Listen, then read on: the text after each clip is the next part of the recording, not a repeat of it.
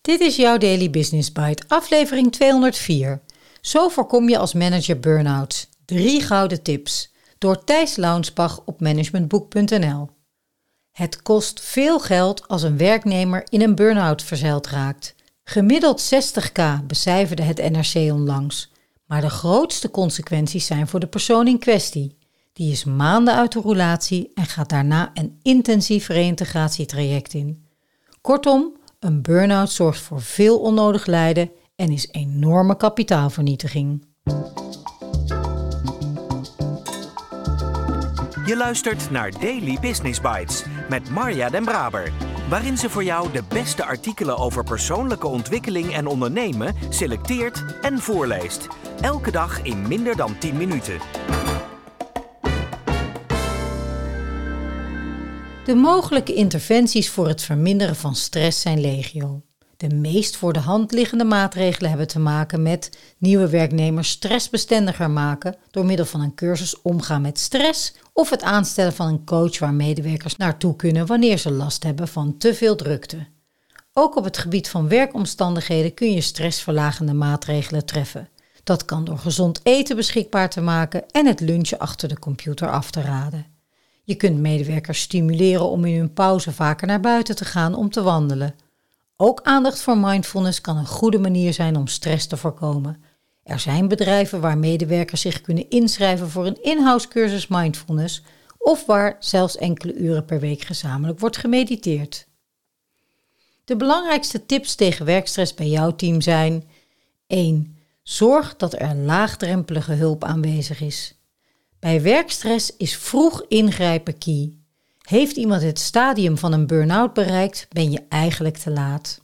In plaats daarvan dient er een laagdrempelige hulp aanwezig te zijn. Dat kan bijvoorbeeld een in-house coach zijn of een vertrouwenspersoon. Vermijd ten alle tijden dat er een taboe hangt rondom werkstress. Doe nooit lacherig of laatdunkend over dit onderwerp en zorg dat het bespreekbaar is. Zorg ook dat er een arboarts beschikbaar is waar iemand met burn-out verschijnselen tijdig bij terecht kan. Klinkt logisch, maar het komt vaak genoeg voor dat er wekenlange wachtlijsten zijn. En dat kun je er nu net niet bij hebben als je heel gestrest bent.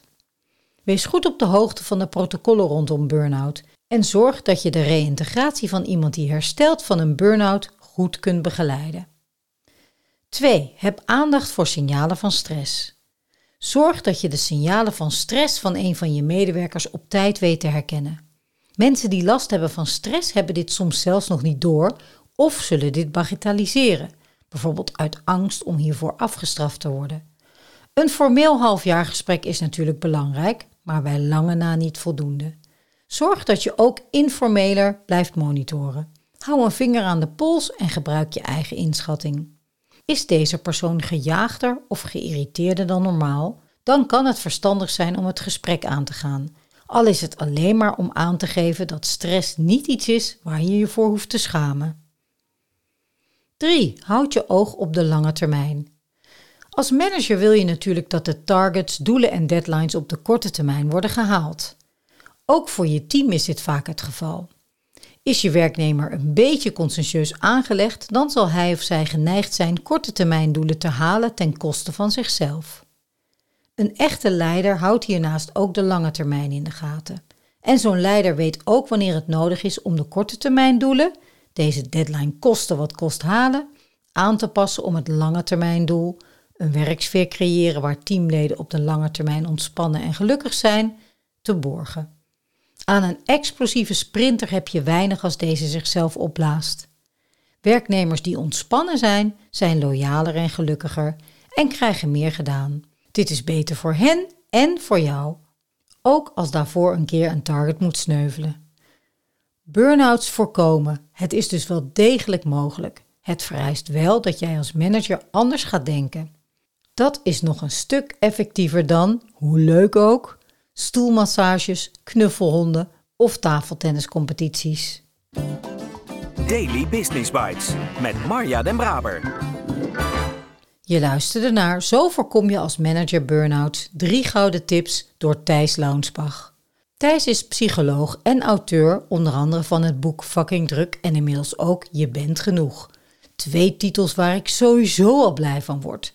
Lekker even prikkelen en ook geruststellen. Het artikel zelf biedt geen diepgaande analyse of concrete voorbeelden hoe deze tips in de praktijk kunnen worden toegepast. Daar zal Thijs in zijn boek Fucking Druk uiteraard veel dieper op ingaan. Desondanks kunnen deze tips nuttig zijn voor managers die hun medewerkers willen ondersteunen en een gezonde werkomgeving willen creëren. Wat ik nog wel belangrijk vind om mee te geven, is dat burn-out een complexe aandoening is en dat er geen enkele oplossing is die voor iedereen werkt. Het is dus belangrijk dat jij als manager individueel met een medewerker samenwerkt om een werkomgeving te creëren die gezond is en waarin die medewerker zich gesteund voelt. Als we dat allemaal zouden doen, zou de wereld er volgens mij al veel beter uitzien. Wat jij, ik spreek je graag morgen weer.